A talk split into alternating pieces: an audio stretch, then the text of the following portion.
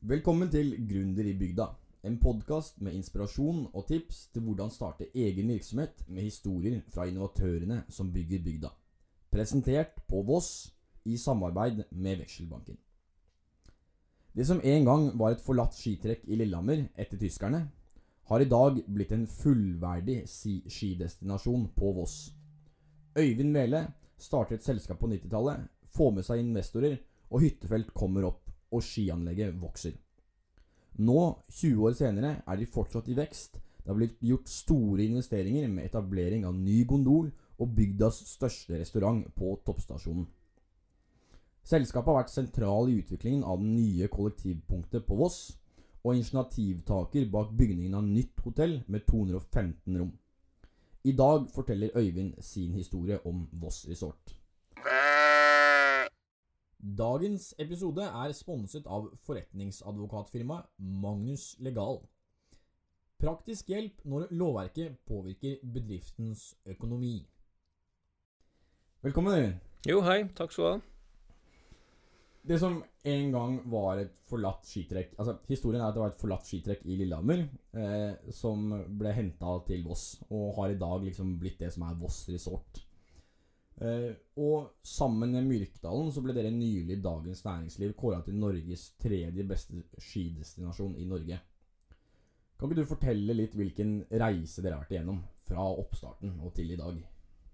Ja, det er, jo en, eh, er jo en lang historie, og den historien startet jo lenge før eh, meg og mine medsammensvorne ble etablert og ble født. Eh, som du nevner, 2840 så kom det et skitrekk eh, til Voss og starta alpinbygda oppe i eh, Barvallen.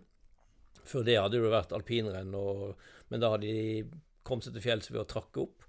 Så dette var jo en, eh, en, en start. Og så ble jo eh, dette utvikla videre gjennom eh, gjennom 50-tallet og 60-tallet med etablering av Dinglo og Danglo i Hangusbanen i 63, og eh, ny Bavaldsheis i 72, og de utvikla oppe på fjellet med Slettafjellet og, og Tråstølheisen osv. Så, videre. så det var, en, det var en, mange ildsjeler, eh, ba- både fra idretten og fra næringslivet på Voss, som sakte, men sikkert bygde opp eh, Voss som en eh, destinasjon på, på, på 60-tallet og inn på 70-tallet. Og eh, dette ble videreført òg eh, frem mot 90-tallet. Da fikk de litt utfordringer. Voss var jo en eh, populær plass bl.a. med World Cup, og hadde jo fire arrangementer i, i World Cup på 70- og 80-tallet. Eh, kom litt tilbake Evja på, på 80-90-tallet. Andre destinasjoner østpå eh, dro litt ifra. De utvikla dette med, med hytter nær skianlegg og større hytter. Eh, litt mer komfort, vann og avløp og vei fram og sånn. Der hang Voss eh, kommune litt i bakevja, og vi blir litt akterutseilt. Det medførte jo òg at, eh, at selskapet eh, måtte omstille seg på 90-tallet. Det gikk konkurs, og nye eiere kom inn. Og bl.a.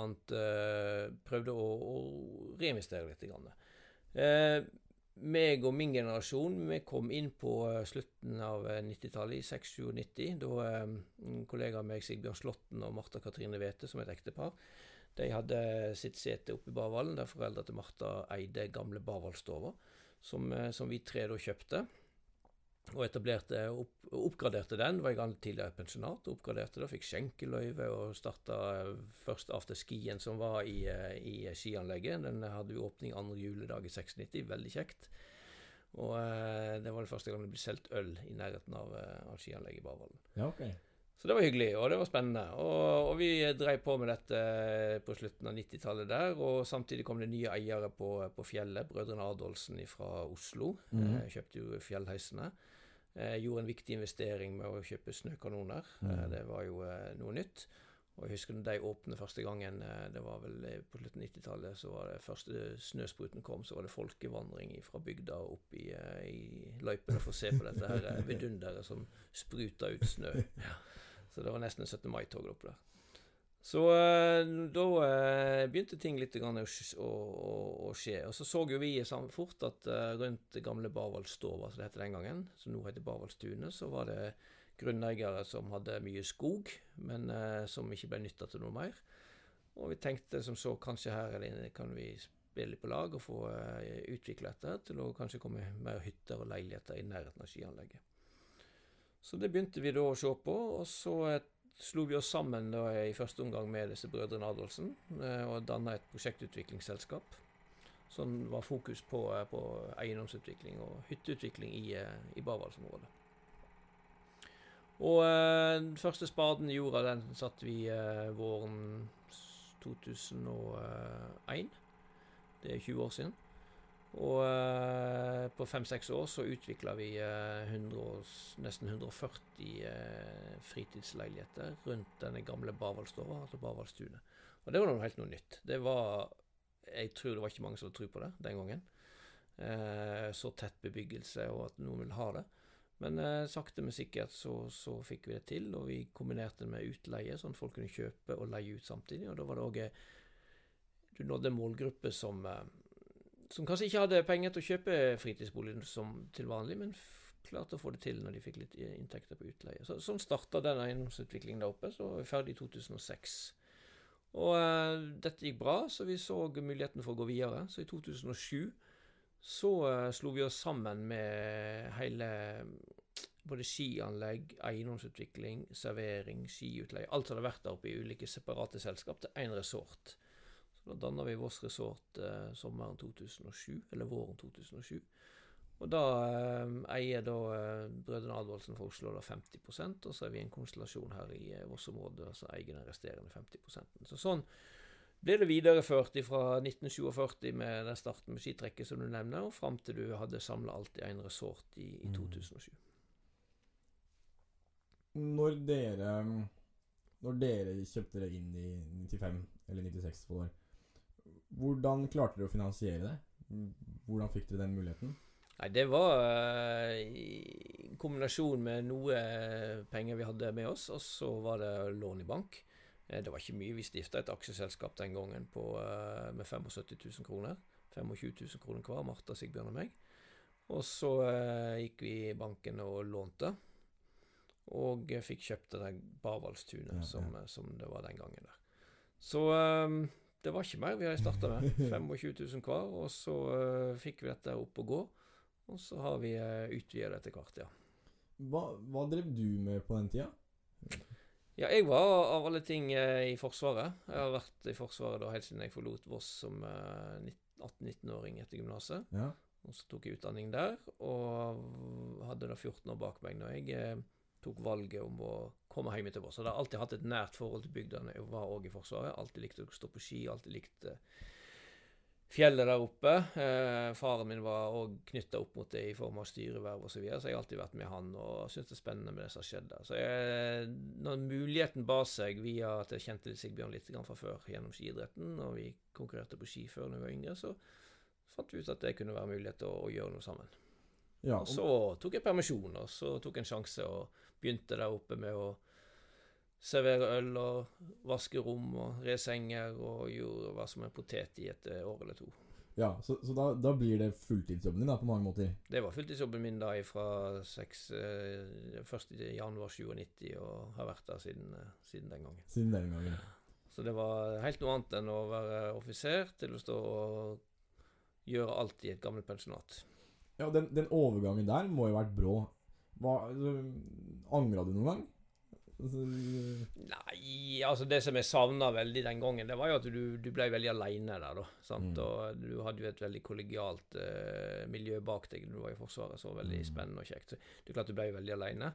Men eh, det var så mye annet spennende òg. Og så kom du nær familie, det var jo viktig. Jeg har jo familien på Voss og fant min kjæreste her. Og, så alt liksom kom på plass da etter det, den investeringen der. Ja, og fordi når dere da går i gang med de hyttene også, så er jo også det en ganske betydelig stor investering. Hvordan, hvordan Og du sier jo at det var ikke alle som trodde på dere. Hvordan får du det til? Ja, det er en eh, kombinasjon av eh, at du må ha tro først og fremst på det du holder på med, og så må du overbevise de som, eh, som skal være med deg og hjelpe til med finansiering, ikke minst bankene. Men for at du skal få med deg bankene, så må du òg selge en god del tomter eller leiligheter i forkant for å ha Ja, noe Forhåndssalget. ja. Ja. Og da er det å overbevise de første kjøperne. Og det er klart å være første kjøper i sånne prosjekt, det er alltid eh, litt spennende for deg òg, og de tar jo en sjanse. Og da må du må du bruke det du har av uh, overbevisningsevne for å fortelle deg at dette her er midt i blinken for deg for å komme mm. her til Voss og oppleve nærhet til skianlegg og fjell og natur og sentrum, og at dette er en eh, livskvalitet som du ikke kan stå imot. Så uh, da bruker du alt du har fra A til Å på å overbevise kunder, og så må du levere og følge opp og uh, stå for det du har sagt. Og så må du da ha med deg dette til banken og, og forklare deg òg at dette er noe vi kan gå videre med. Og Så må du da sette i gang, og så må du få gode entreprenører med deg som kan levere det som du da har overbevist kunden om skal bli mm. bra. Så da er du i gang. Følte du noen gang på det presset om å klare å levere det du har holdt? Altså, du må jo Du, du tar jo på deg ganske mye ansvar og forhåpninger. Klarer du å innfri de? Ja, det er klart du kjenner på det, og det, det er jo uh, Du blir jo en slags bilselger oppi det hele òg, sant. At mm. du skal jo du, Dette er best, dette er bra, sant. Og, og du, er, du, kjenner jo på at um, når du har Du har jo aldri Vi hadde jo aldri levert dette. Vi hadde jo bransje jobbet med helt noe annet. sant. Ikke kun visste vi omtrent uh, hvordan du slo i, ja, ja, slo i en spiker, ja, men altså, det var jo ikke vårt fag. Mm. Og eh, du var jo veldig spent på, på leveransen og, og mottakelsen på kunden. Så det er for all del. Eh, så, men derfor strekte du deg kanskje ekstra mye lenger òg i, i, startfasen. Du fulgte med hele veien. Sant? Du, fra, du var vel innom disse byggene to-tre ganger om dagen sant? for mm. å se at mm. dette gikk bra. Og, så du hadde, det, du hadde fullstendig kontroll, og det er litt mer enn du hadde kanskje trengte, men det var viktig i starten. Mm. Det, for du kjenner på akkurat det som du spør om, ja. Mm. Og du sier at, du nevnte så vidt selv at det som skilte denne hytteutbyggingen fra vanlig, er at dere tilbydde utleie. Kan du forklare litt rundt det konseptet der? Ja, det var jo det at vi, eh, vi hadde jo dette Barvaldstundet der oppe som et eh, senter med resepsjon osv. Og, så videre, og så jo da at eh, å drive det som tradisjonelt pensjonat, overnatting, det, det, var ikke nok, så vi måtte ha noe ekstra. og da da var det den Sail and Leaseback-modellen som, som, var begynt, eh, spesielt i Hemsedal, hadde de kommet tidlig i gang med den. At folk kjøpte, og så inngikk de avtale med et servicesenter der de leverte fra seg nøkkelen og, og, og en del perioder i løpet av året og sa at nå kan du leie ut for meg. Og så for hver tusenlapp så kanskje fikk vi 300 kroner inn da i, eh, i, eh, i en provisjon til oss. Og da bygde vi opp, og da hadde vi òg ekstra inntekt for å holde liv i, i den startgeskjeften fra starten av. Men samtidig så, så var jo det sårt gode inntekter for den type eh, kunder som ville kjøpe. Som jeg mm. nevnte, sant? Mange, mange her vi, vi, fikk mange nye kunder som kanskje ikke hadde mulighet til å realisere noe hytte eller leilighet i, uh, i fjellet.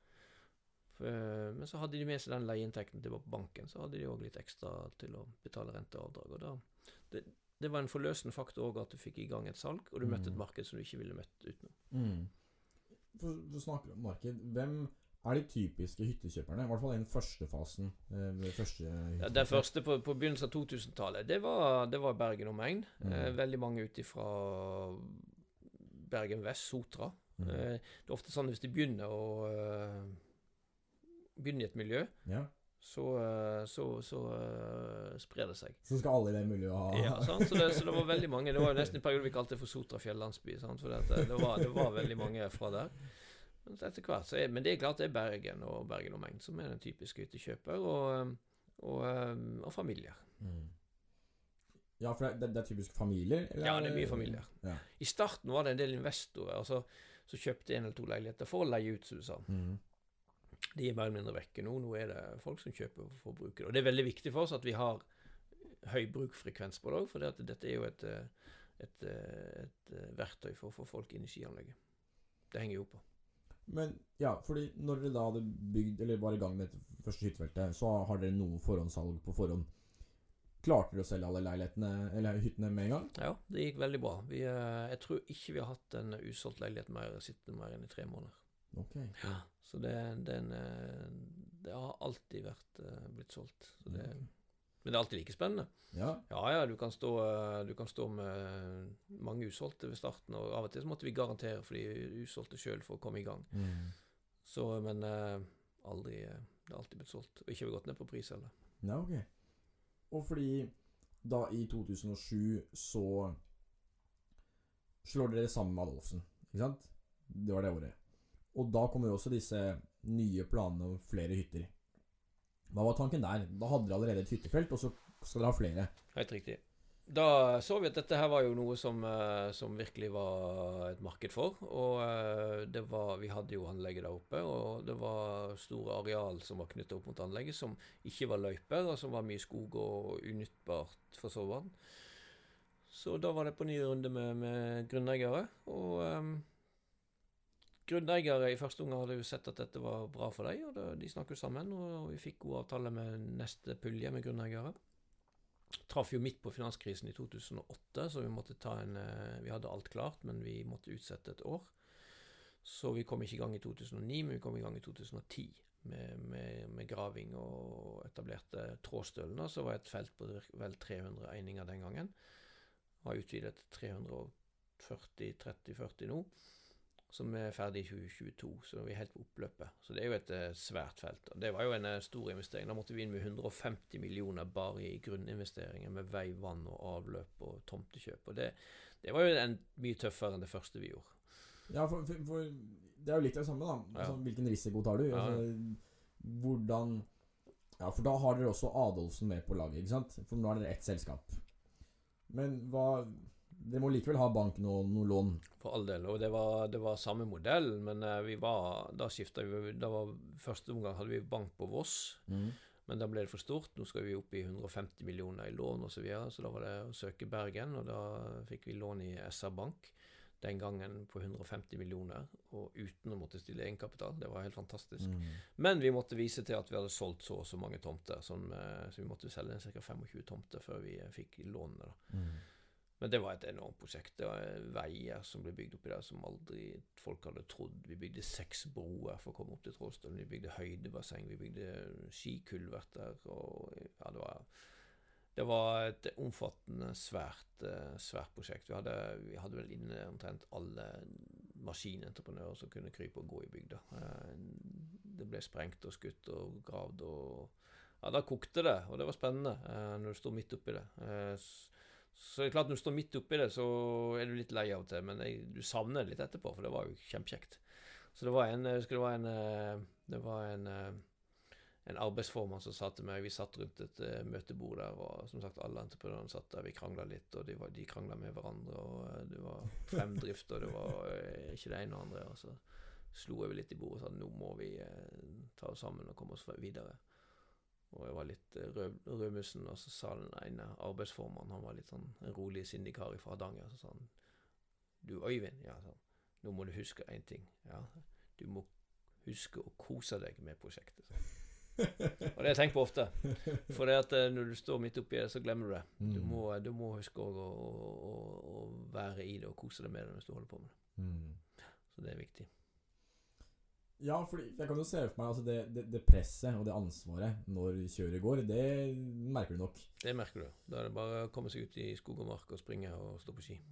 Ja, men altså når, når dere var i gang med, med prosjektet altså, Her var også sånn du sa på forhåndssalg, men dere må jo ha kjøpt disse tomtene av grunneierne for i hele tatt kunne finansiere prosjektet. Mm. Når, når kunne du vite regulering? Altså, når fikk du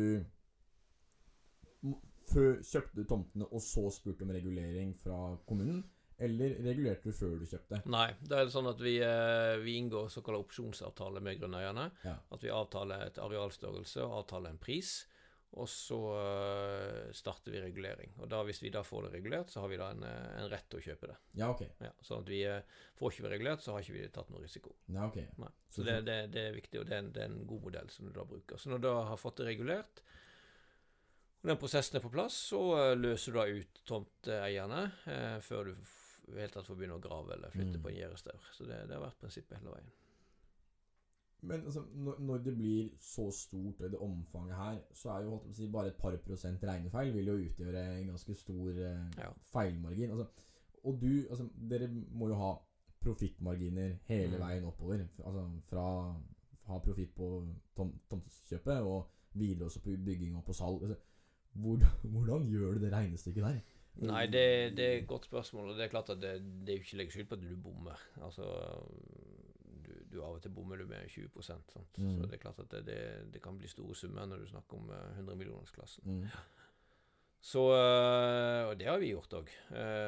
men det er klart vi tar jo litt igjen, og etter hvert som du kommer i gang, så vil jo priser òg stige. Mm. Altså Kalkylene på salg som du hadde ved starten, kan jo bli bedre etter hvert som prosjektet blir bedre. Men det er klart at byggekostnadene stiger jo òg. Men viktigheten for oss var jo ikke bare eiendomsprosjektet i seg sjøl, det var jo òg å få Det var viktig for oss å få eh, større aktivitet i området. Mm. Dvs. Si at uh, du ikke var så avhengig av bare Vossingen eller de som kommer toget, men at du har fast, fastboende på hyttene i helgene som bruker anlegget, uavhengig om det er snør eller regner eller sol. Så, så det, det regnestykket er ikke bare eh, kjøpt tomt og solgt, solgt tomt, men det er en, et, større, et større regnestykke der eh, hele resorten spiller inn. Ja, for i dette hyttefeltet, hvem er den typiske kjøperen her? Er det fortsatt gjengen fra Sotra, eller? Nei da, det, det, den har, det, nå har, var jo vi på hytte, sant. Av de 300 så var ca. 100 selvstendige hytter, resten leiligheter. Og det er klart når du, du solgte hyttetomter til en plass mellom 1,5 til 2 millioner, så er det klart en, en litt annen gruppe igjen som kjøper. som... Mm. Uh, vi fikk mange som solgte på Geilo, kom hit for avstanden, slippe fjelloverganger osv. Eh, de kunne jo bygge seg hytter opp i 195 kvadratmeter, sant? så sluttresultatet ble jo ofte 6-7-8 millioner. Sant? Eh, så det er klart at det, da nådde du en målgruppe som uh, var litt uh, mer sentrert kanskje i Bergen og, og det området der. Mm. Ja. Ikke noe vondt om Sotra, for all del. Det var mye, penger, det var mye penger der, for all del. Men uh, du, du, nådde en Du, du Ja. kom en litt større ned, nedslagsområde. Dagens episode er sponset av advokatfirma Magnus Legal. Det er forretningsadvokater som har sitt fokusområde i grenseland mellom juss og økonomi.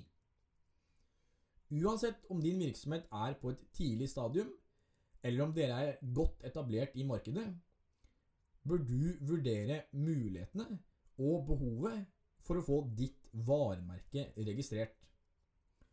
Og få gjerne hjelp fra noen som har innsikt i varemerkerett. Det kan vise seg å bli en av virksomhetens viktigste investeringer. Advokat Elisabeth Kramer blogger om immaterielle rettigheter på blogg.magnuslegal.no.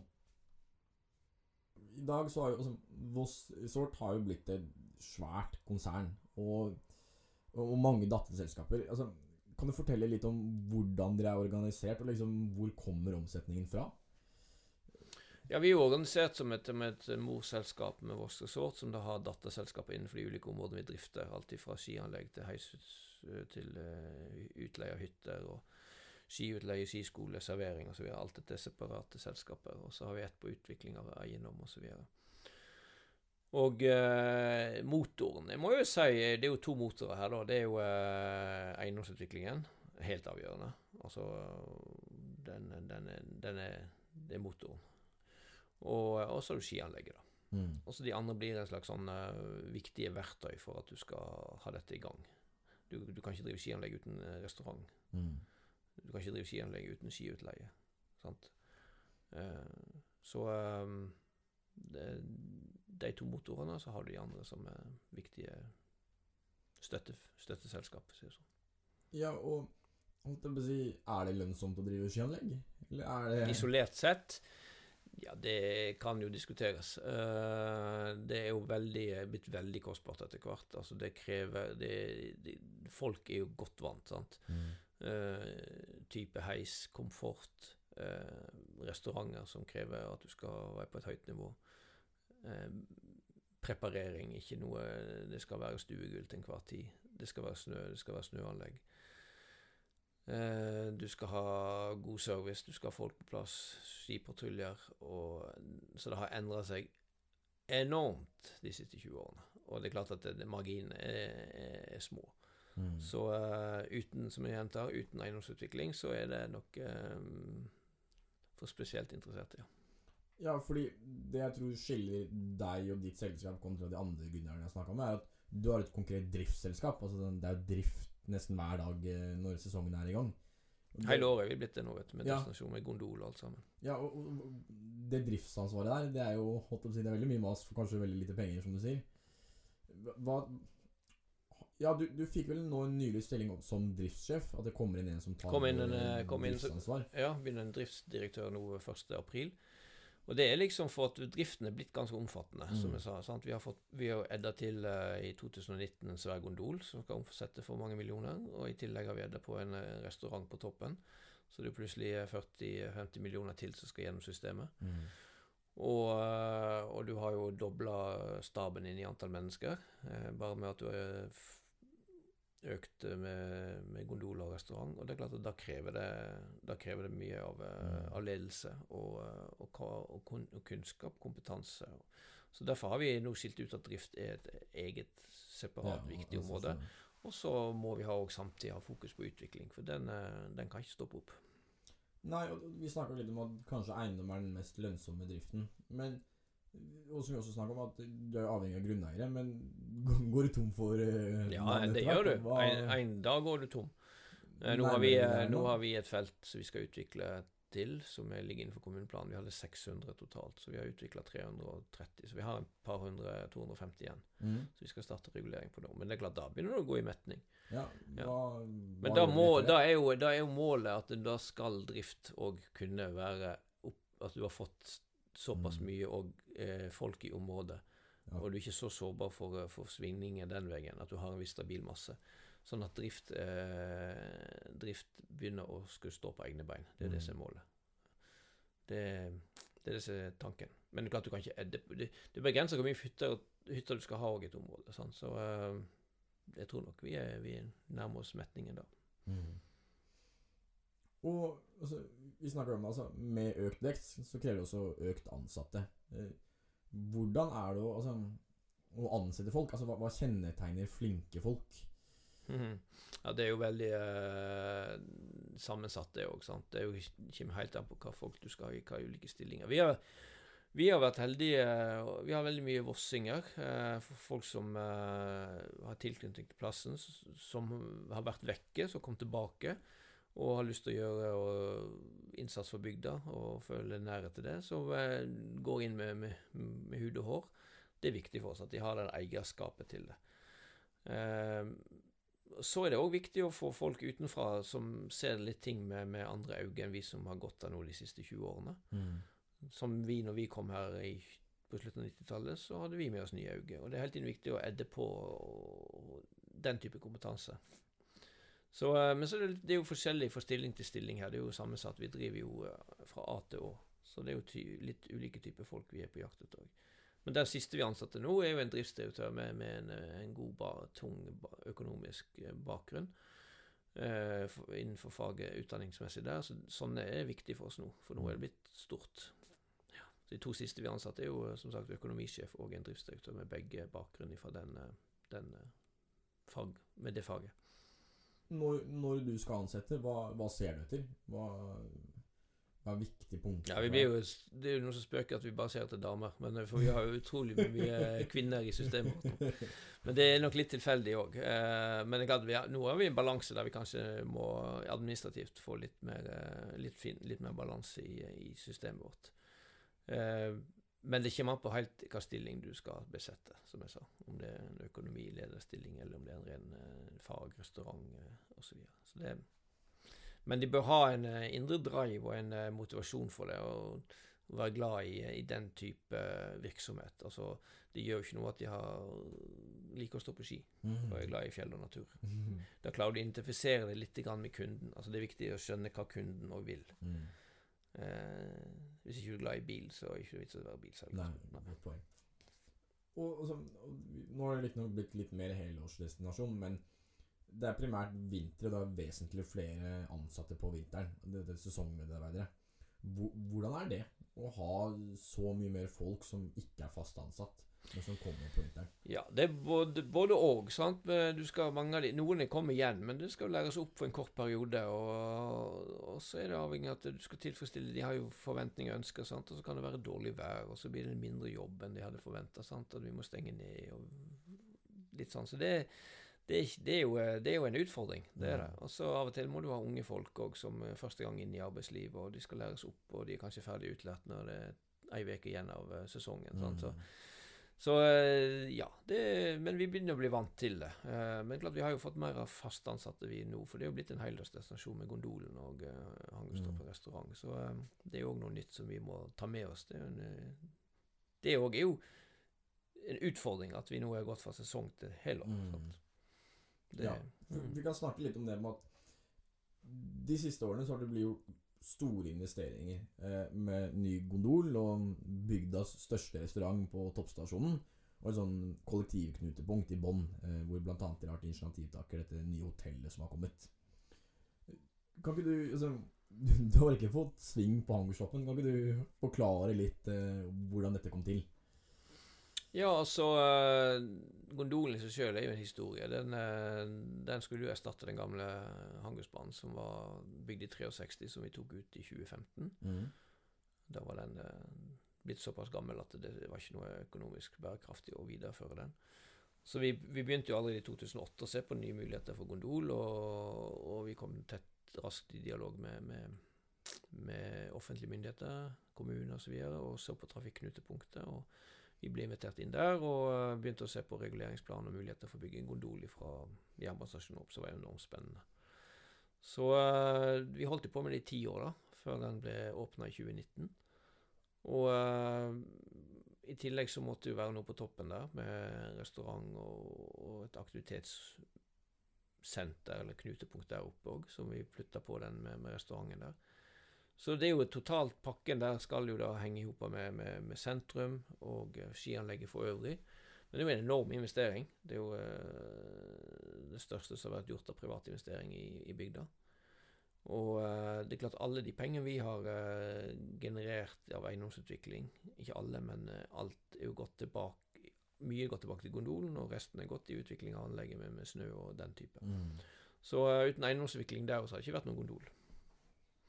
Så, eh, men vi, eh, vi, er- det er jo et prosjekt som må gå seg til. Og det er klart at du fikk jo covid-19 midt i sveisen, og det har jo eh, Det setter sine spor. Så det er jo Mm. eh, Det er ikke å legge skjul på at det er utfordringer. Mm. Fordi altså, dere tar på dere ganske mye risiko. Altså, det har vært eh, Overskriften i lokalavisa tilsier at det her er mye penger for å få Mondolen finansiert. Det er vel Vekselbanken har vel kommentert at de finansierte den gamle gondoltomta eh, til 80 millioner eller noe. Det var deres største utlån eh, noensinne. Eh, og dere har også fått med flere banker på laget.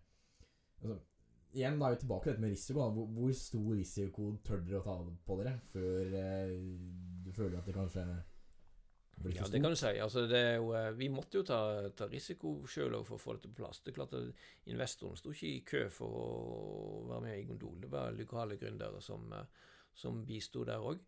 Sånn at vi fikk satt dette sammen. Lokale banker bidro på sin måte. Den tomta du nevner, det var jo for å komme i gang med Hangersveien terrasse på den gamle gondoltomta, Mm. sånn at vi fikk solgt leiligheter der. Og alle de pengene putta vi inn i gondol igjen. Så det er alt vi har gjort, er jo generert tilbake. Eh, lokale banker har tatt, eh, tatt den risikoen de kan ta innenfor sine rammer. og Så har vi fått eh, både Innovasjon Norge med oss, eh, som har tatt risiko, og større banker eh, i, i Bergen, Sperrebanken Vest bl.a.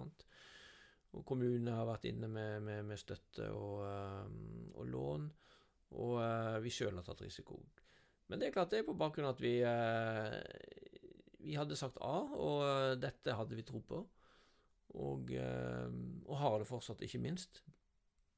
Så um, vi kunne jo tatt på det penger fra den gamle gondolen og, og brukt de på andre ting. Mm. Altså leilighetsprosjektet der. Vi kunne jo tatt penger fra, fra alt vi har tjent i Barvallen og brukt det på helt noe annet. Mm. Og tatt i lomma og for den saks skyld, og kjøpt oss biler og hytter og hus. Mm. Det har ikke vi gjort. Vi har ikke tatt ut noen ting, og vi har, vi har generert det tilbake. Og det er, en, det er vel en eh, grunnleggende forkjærlighet for, for bygda. Å gjøre noe og utvikle, og at vi har tro på at bygda skal, eh, skal vokse. Og at skal den vokse, så må vi alle bidra på vår måte. Mm. Og så får en eh, se om ikke til slutt at det eh, At det kan eh, dryppe litt på, på, på samtlige hvis det, hvis det går som en ønsker. Men underveis så er det å, å bygge stein på stein, og noen steiner blir litt tyngre enn andre. Men det, det er jo en, det er en tro vi har på dette.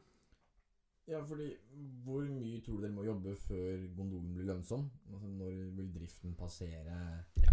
Når vil den betale seg tilbake? Ja, Det er litt vanskelig å si akkurat nå. For at, eh, hadde vi vært i en normal situasjon i, eh, i, uten covid i 2020, og, og så hadde vi, eh, hadde vi nok sett sånn som utviklingen var, så ville vi ha sett gode resultater etter en tre-fire år.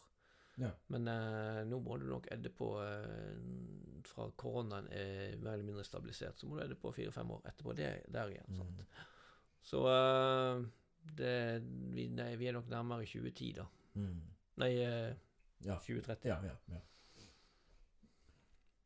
På lik linje som dere har vokst dere stor de siste årene, så har Mm. også Myrkdalen kommet eh, hva, 20 minutter, 30 minutter unna her, eh, og bygde opp en skidestinasjon der på veldig få år.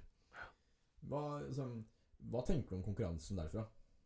Nei, det har jeg sagt fra dag én, at um, hvis Mørkdalen eventuelt ikke hadde kommet, så hadde vi vært alene i klassen. Og da, det kan du sammenligne litt med å gå skirenn og så være alene i klassen hele tida. Da, da trenger du i utgangspunktet ikke forberede eller, eller trene. Da kan du bare ta på deg startnummer og så gå rundt. Men er det en til som tar på seg startnummer, så, så blir du trigga med en gang. Og da kommer konkurransefølelsen der. Og da må du forberede deg, du må utvikle deg, og du må henge med. Så eh, det har vært en eh, vinn-vinn for begge.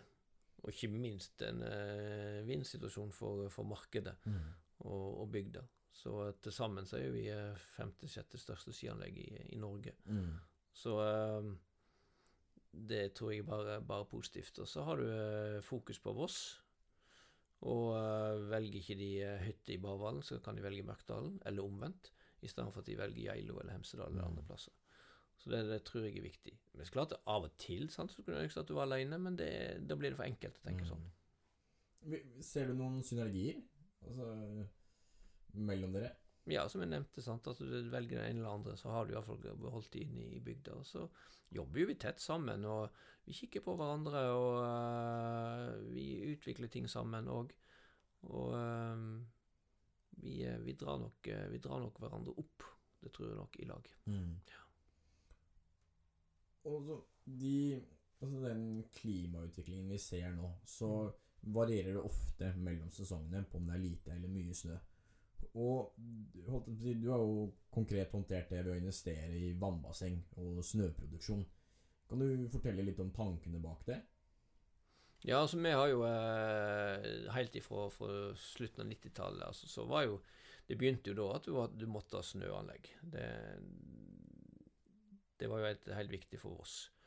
Det har jo vært snøfattige vintre helt tilbake på 70-tallet, og du har hatt eh, vintre der du åpna oppe på fjellet i februar, altså på, på 80-tallet. Så det er jo ikke noe nytt. og Det var ikke noe nytt på Østlandet heller. De kom i gang tidlig med snøproduksjon. Og eh, vi har begynt i, på slutten av 90-tallet og videreført og investert veldig mye nå de seneste årene.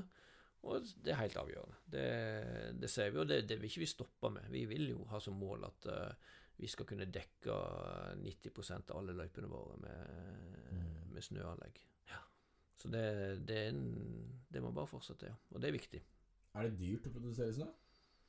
Ja, det er jo dyrt eh, i form av at du, du bruker jo strøm, og du skal jo òg eh, ha vakter på dette her. Altså, Vår Herre gir jo oss gratis snø, Ja. så det er jo to vidt forskjellige verdener. Men den snøen du får fra snøproduksjonen, er jo en helt annen konsistens og varer jo mye lenger og er bedre å kjøre og lettere å holde ved like.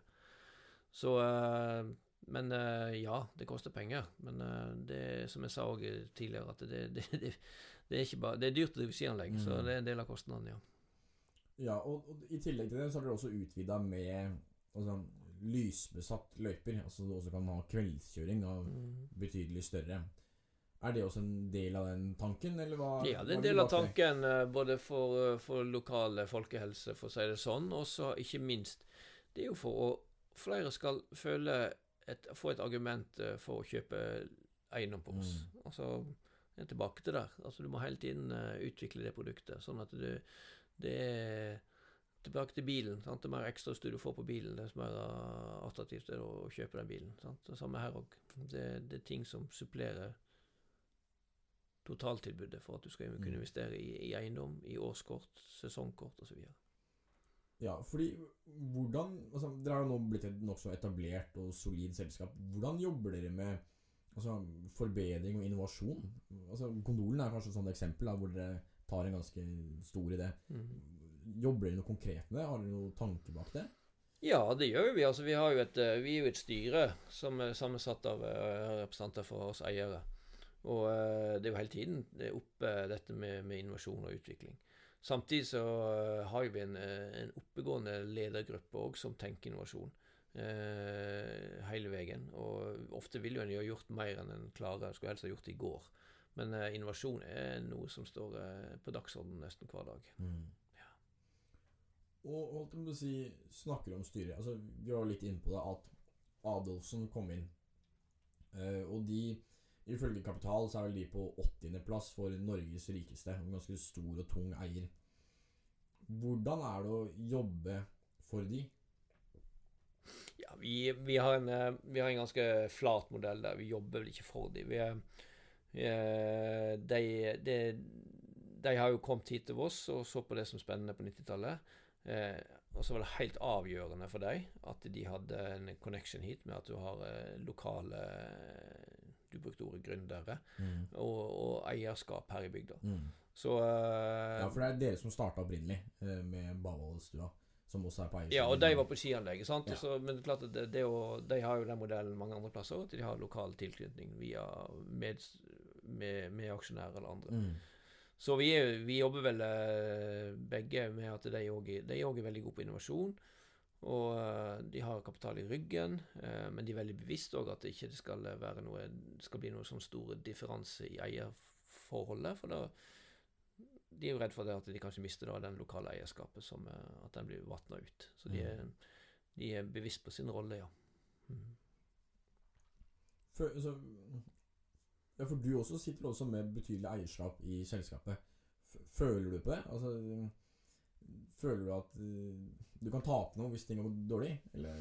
Ja, jeg, altså jeg, jeg, er skrudd sammen sånn at det, dette Vi gikk inn i sin tid med 25 000, og så har du brukt veldig, veldig veldig mye av livet ja. li, liv ditt ja. på det.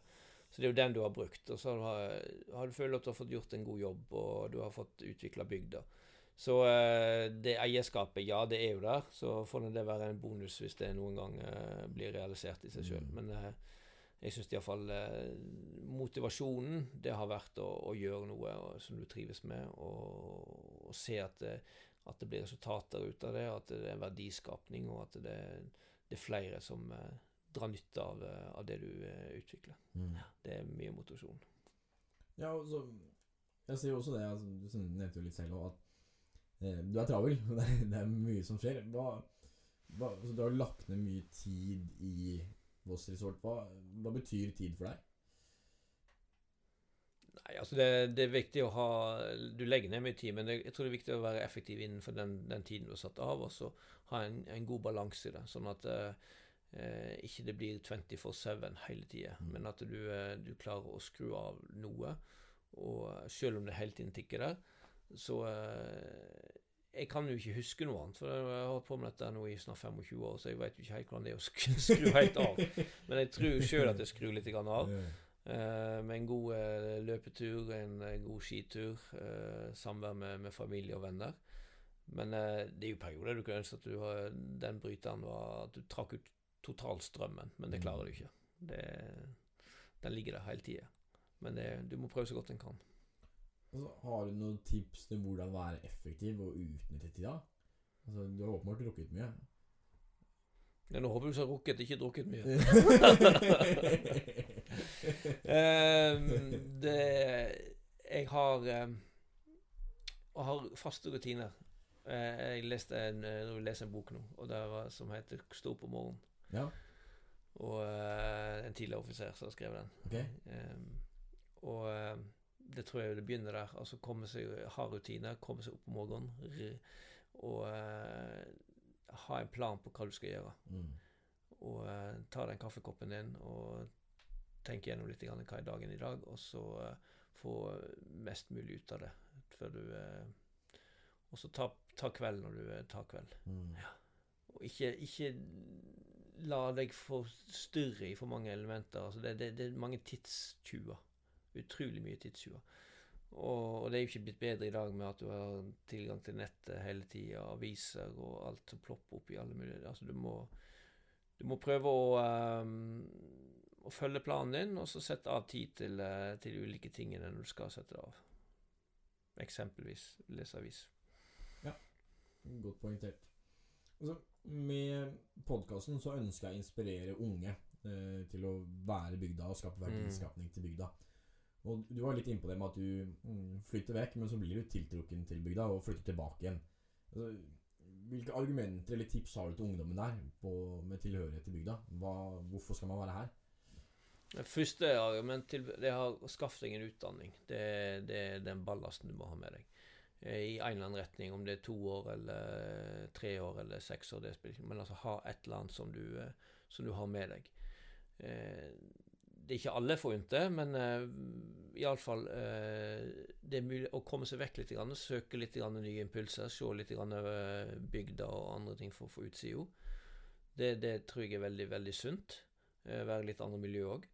Og har du lyst å, å, komme tilbake igjen, så kom tilbake igjen med, med, med gjerne et åpent sinn òg, og og se det litt både hvordan det har vært her fra før, og hva som eventuelt kan, kan tilføres bygda. Mm. Eh, det er nok av de som kommer tilbake og, og, tror at det er bare å, å, å, trykke på knapper, og så Voss skal bli lik alle andre. Altså, mm. Hvorfor er ikke Voss sånn? Ikke? Så vi må, vi må hele tiden jeg tror Historien til bygda er veldig viktig å ta med seg. Hvordan kulturen har vært der, hvordan vi har bygd oss opp, og hva mekanismer som virker her. Eh, ta det med seg når en, eh, når en, har lyst til å gjøre noe i, i, i, eh, i bygda. Har du noen karrieretips til ungdommen? Tenker du på type utdanning? Ja, eller sånn Ja, kanskje. Altså mm. innenfor karriere, innenfor yrkeslivet. Hva altså, Sånn typiske tips? Da tror jeg det er opp til, det er opp til den enkelte. Det må kjenne på det sjøl. Hvem er jeg, og hva, hva trives jeg med, og hva jeg har lyst til å gjøre. og hva, hva gir meg et, et, godt og balansert liv. Det, mm. det er det første du skal kjenne på. Du skal ikke du skal ikke hige til karriere bare for å gjøre noe som uh, omgivelsene, venner, foreldre, andre ønsker at du skal gjøre. Du skal, du skal kjenne på, på det sjøl. Og, uh, og, og, har du en, noe som du brenner for sjøl, så vil det alltid så oftest gå bra. Det, mm. ja, det, det er vel det jeg kan si. Nå har vi jo snakka en del om historien, eh, og så kan vi nå kanskje avslutningsvis pensle litt over på refleksjon. Hva altså, åpenbart så har du hatt altså, Sett utenfra så har du hatt mye suksess ved at du har starta en liten stue, og nå er det et fullverdig uh, skikonsern. Altså, hvilken faktor tror du har vært mest avgjørende for din suksess? Ja, som sagt, vi er heller seg vår suksess. Altså, vi er, vi team, og vi har, vært, uh, vi har vært sammen om dette. her, Og spesielt sånn som Sigbjørn og meg. vi har Suksessfaktoren for vår del er at vi, vi er ganske ulike. Og når du, når du er ulike team, så, eh, så utfyller du hverandre ganske godt. Og uh, vi to vi har jobba ganske tett i, i, over 20 år. Og uh, måten vi har jobba på, så har vi funnet våre plasser.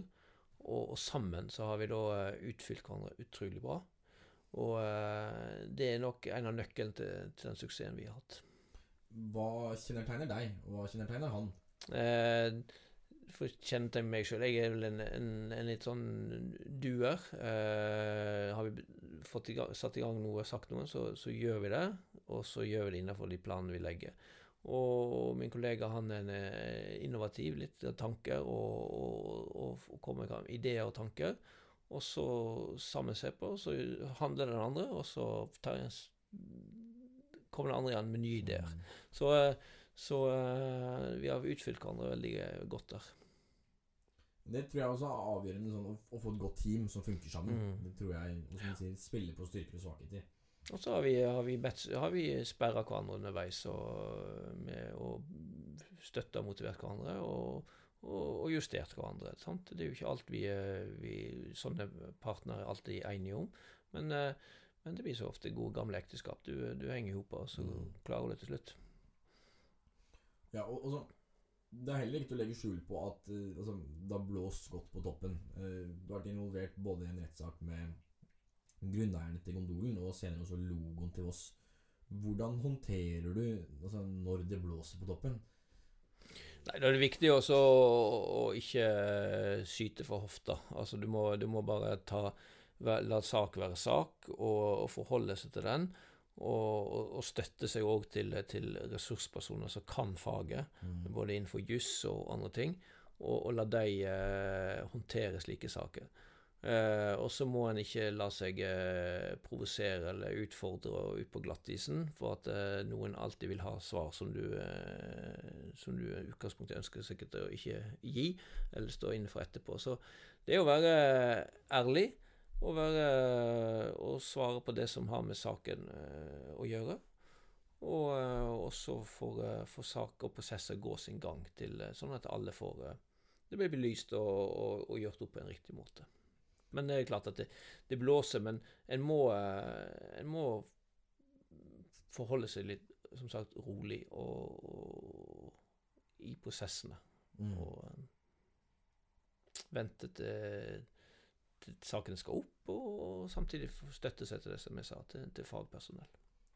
Men føler du at det tar mye tid og ressurser? Altså Eksempelvis i Kondolen. du, du er i gang med det store prosjektet, og du Ja, ja. anser at du har mye du skal gjøre. Ja, ja. Det suger, det, det, unnskyld uttrykket, det suger tid, så det koster, det suger ressurser. Det er klart det har vært tid, perioder her du har vært eh, Du har vært i, eh, i, i situasjoner der du skulle ønske du vært en helt annen plass, og du skulle Mm. gjerne at eh, du føler urettferdighet og noen sant? Men slik er det, og du, eh, du har tatt den posisjonen, og du må stå i det. Og, eh, og det er en del av, eh, av jobben. Hva er du mest stolt av på jobben du har gjort de siste åra? Nei, det vi er stolte av de 20 årene, det er at vi har hele tiden har klart Altså har klart å, å tilføre bygda noe eh, konkret i, over så lang tid, som hele tiden har, eh, som har økt, som, som igjen tror jeg har eh, skapt verdiskapning for bygda generelt. At folk har fått arbeid ikke bare i vår bransje, men i andre bransjer. Entreprenører, eh, sentrum. altså at det, at vi har vært med og bidratt til at eh, Voss er kommet tilbake på kartet. Ja, altså, fordi det snakka jeg litt om Jeg hadde Frode Solbakk her og snakka Mm. om Voss Active.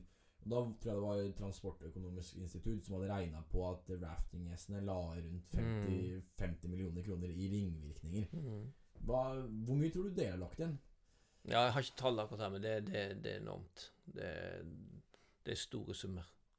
Store summer. Så eh, det Både i handel, i entreprenører, i, altså i, i, generelt i verdiskapningen, så er det enorme summer. Vi har jo bare utvikla der oppe for, eh, for eh, Med alt som altså er det jo Du snakker jo om eh, 1,5 milliard. Mm. Sant? Nesten 2 milliarder hvis alt som har gått gjennom systemet. Så kan du tenke sjøl. Og så har du de som bruker det etterpå. Så, eh, så det er nok det vi er, vi er stolt av det. Og så er vi stolt av at vi har eh, fått til Vi har fått til det meste av det vi har satt oss som mål. Ja. Jeg tror eh, det, det òg er vi Vi har ikke Mange mål har vært hårete, men vi har fått det til. Og gjennomført det. Og det, det er vel òg noe som en husker. ja er, det, er det kanskje også noe som kjennetegner deg? Altså Du sa at du er en duer. Er du også en gjennomfører, holdt jeg på å si? Altså, Ja, det kan vi vel si. Det har vi satt oss et mål, så eh, både Sigbjørn og meg er tidligere skiløpere. Og eh, Du skal ned bakken? vi skal opp bakken, og vi skal over neste bakketopp òg. Og vi, skal, vi er ikke i mål før vi er i mål. Vi kaster ikke inn eh, Vi tar ikke av oss nummeret først. Så det er, ja, det er litt klisjé, men det, men det, det, det er viktig. Har vært en, og du legger det ære i det. Det gjør du. Mm. Det, og den æren, det, det koster jo litt. Det, det gjør det. Vi har også snakka litt om Eller det var et oppslag nå i lokalavisa om at eh, skigjester som vanligvis har dratt til Alpene, velger nå å dra hit lokalt. Hva gjør dere for å tiltrekke dere nye gjester? Altså hva Ja, akkurat det var litt kjekt òg. Og det hadde vi håpet òg, at eh, når Alpene var stengt, at vi skulle få en effekt ut av det. Kanskje enda større enn vi har fått. For det er klart covid-19 har eh, gitt litt begrensa regionale restriksjoner osv. Men det var kjekt. Det er hva vi gjør. Det er jo, eh, det er jo å, å, bruke de, de eh, kanaler som vi kan for å nå ut. Både fysisk, digitalt og så videre For å nå nye markeder. Vi er, vi er veldig opptatt av at eh, Bergen skal jo fortsatt være der, men vi ønsker å nå frem òg til andre regionale markeder, som det som du refererer til Stavanger-markedet osv. For det, det er et stort marked der. Og det det er oppsøkning, det er å digitalt, som sagt, bruke sosiale kanaler. Eh, levere produktet. Ja, men så, fra du starta Mm. eh, på slutten av 90-tallet til eh, her nå i 2020, liksom Mm. Måten å markedsføre på og segmentene du når, Mm. har vel endra seg ganske drastisk. Ja, ja. Det har blitt en radikal endring. Hvor, hvordan har det vært for deg som altså, leder å måtte henge med i den utviklingen der? Ja, heldigvis så, så har vi ansatte som henger med skikkelig, og som, som, eh, som er i den verden der. Så uh, aleine så hadde vi aldri hengt med, det kan jeg bare si med en gang. Så uh, det er å, det er å finne den rette kompetansen blant uh, i de rette generasjoner som skjønner hvordan dette her eh, utvikler seg, og at de eventuelt ligger litt foran, ikke bak hele tiden. Så uh, det er det å tilrettelegge og gi dem de ressurser de trenger, sånn at eh, de får, får være med på å, å utvikle sånn som de mener er rett. Ja, og det er kanskje også det som kjennetegner godt lederskap. Altså, du har vært leder hele tiden. Fra, fra du starta, og øh, Hva kjennetegner en god leder? Nei, det er jo eh, mange, men det er klart å, å tilrettelegge eh, for den enkelte, at den ansatte kan utvikle og bruke de ressursene han sjøl sitter, eller de sitter inne med, sånn at det ikke det, at det blir en brems. Det er klart du skulle gjerne yngst å gi de frie tøyler, det, det ønsker jo alle sikkert, men det er ikke mulig. Men det å, å fordele og rett, tilrettelegge ressursene sånn at de eh, kan jobbe innenfor det faget de har. Og så er det å sette strategier og, og mål å jobbe mot, og, og klare mål. Og, eh, og veilede og styre litt underveis. Og være òg en, eh, en, en sparingspartner. Men samtidig òg være en som, eh, som justerer og korrigerer hvis når det er nødvendig. Ja, og, og tett sammen med det så henger kanskje også kultur. Hva, hva slags kultur har dere? Ja, hva kultur har vi? Vi har vel en eh, Vi har nok en Vossa-kultur. Ja. Ja. Sant? At den er, den er løs og ledig. Eh, den, er, den er ekte. Og, men samtidig, eh, samtidig er det veldig eh, ærekjær på det en leverer. En, eh, en, en skal gjøre det riktig. Men han er, han er, han er humørfullt, og han er ikke så overhøytidelig, som jeg sa. Så, men vi er, vi er opptatt av å levere, og, og at resultatet skal være bra. Og vi er, vi Ja. Ja, og, og hvordan bygger man en slik kultur, da? Altså, Nei, det kommer an på Det, det bygger du med litt ifra hvordan du sjøl er, og eh, hva, hvordan du te- ter deg sjøl, og hva mål du setter. Og også litt du, hva type ansatte du da finner, og hva de du ansetter. ja, og, og det er kanskje veldig interessant med at du og, og Sigbjørn har, har vært faste gjennom alle disse årene, mens Mm. folk har kommet og folk har Mm. gått. Altså, hvordan er det å altså, Det med at folk kommer og folk går, hvordan er det? Ja, eh, for å si det sånn, det har, det har vært lite kom og gå. Vi har hatt en utrolig stabil uh, arbeidsstokker. Nå slutter det en hos oss, og hun har vært der i ti år. Det er klart naturlig av og til at du da, men det, det, det er veldig liten turnover sånn sett. Uh, folk trives veldig godt. Og uh, det har nok litt med det jeg sa innledningsvis. Det, det er en, uh, det en Vossa-kultur, et godt miljø. Mm. Og eh, er, det, og så har det jo vært et selskap der det hele tiden har vært som har vært en av de mest innovative selskapene i bygda. Sant? Og det er jo spennende å være med på sånt. Så det har jo vært en eh, Det har jo trukket til seg folk, det òg. Mm. Og du sa at nå kommer det et nytt hyttefelt. Eh, Mm. Eller i hvert fall i reguleringsplanene. Eh, det, det blir liggende nedenfor Tråstølen, er det slik å forstå? Nei da, det ligger, eh, ligger i Trådstølsområdet vest eh, Nei, nord for Trådstøls utforløypa der i området der. Ja, ok. Mm. Er det noe mer på agendaen? Hva mer Altså, hvordan ser de neste Ja, vi har alltid, vi har alltid, vi har alltid noe på agendaen. Så sånn er det. Så vi må, vi må være innovative hele veien. Men så innenfor det området igjen, så må vi utvikle. Det er klart det nye, Vi har jo en heispark som begynner å, å bli eh, voksen. Mhm. Kanskje overvoksen på enkelte. Så, så det er jo eh, et, et neste skritt at vi må eh, nå begynne å, å se på det. Mm. Mm. Men det er også det, den vi har vært inne på nok en gang, at da kommer det en stor engangsinvestering. Mm. Det, altså, da er det tilbake til denne driften som kanskje ikke er så Mm. sykt lønnsom heller. Altså, hvordan Jeg må jo se for meg at det er et vanskelig dilemma med Mm. å investere i driftsutstyr som ikke nødvendigvis gir noe Ja, ja, direkte avkastning. Helt riktig. Nei, det, det, det er som du sier, men det må gjøres. Og, uh, men det er klart, sånn investering så forventer du alltid en viss vekst òg. Ja, ok. En uh, ny heis ofte gir en 20-25 vekst. Ok. Mm. Men løypa er ikke nødvendigvis ny. Nei men, kan, nei, men du kan ikke åpne opp for at eh, de løypene som er der, blir brukt på en annen. Du får andre kjøremønster. Sant? Du får raskere heiser. Og, Ja, okay. Si at du får en ny trådstolheis, som i dag er en gammel heis, da, som tar veldig lang tid. Kommer du opp på tre minutter, så kan du ha en mye mer tørn eh, sirkulasjon i det området Ja. der. Og løyper som i dag ikke blir brukt. Så eh, sånn er det. Har du noe du avslutningsvis vil eh, oppsummere samtalen med? Er det noe du tips du vil gi til unge?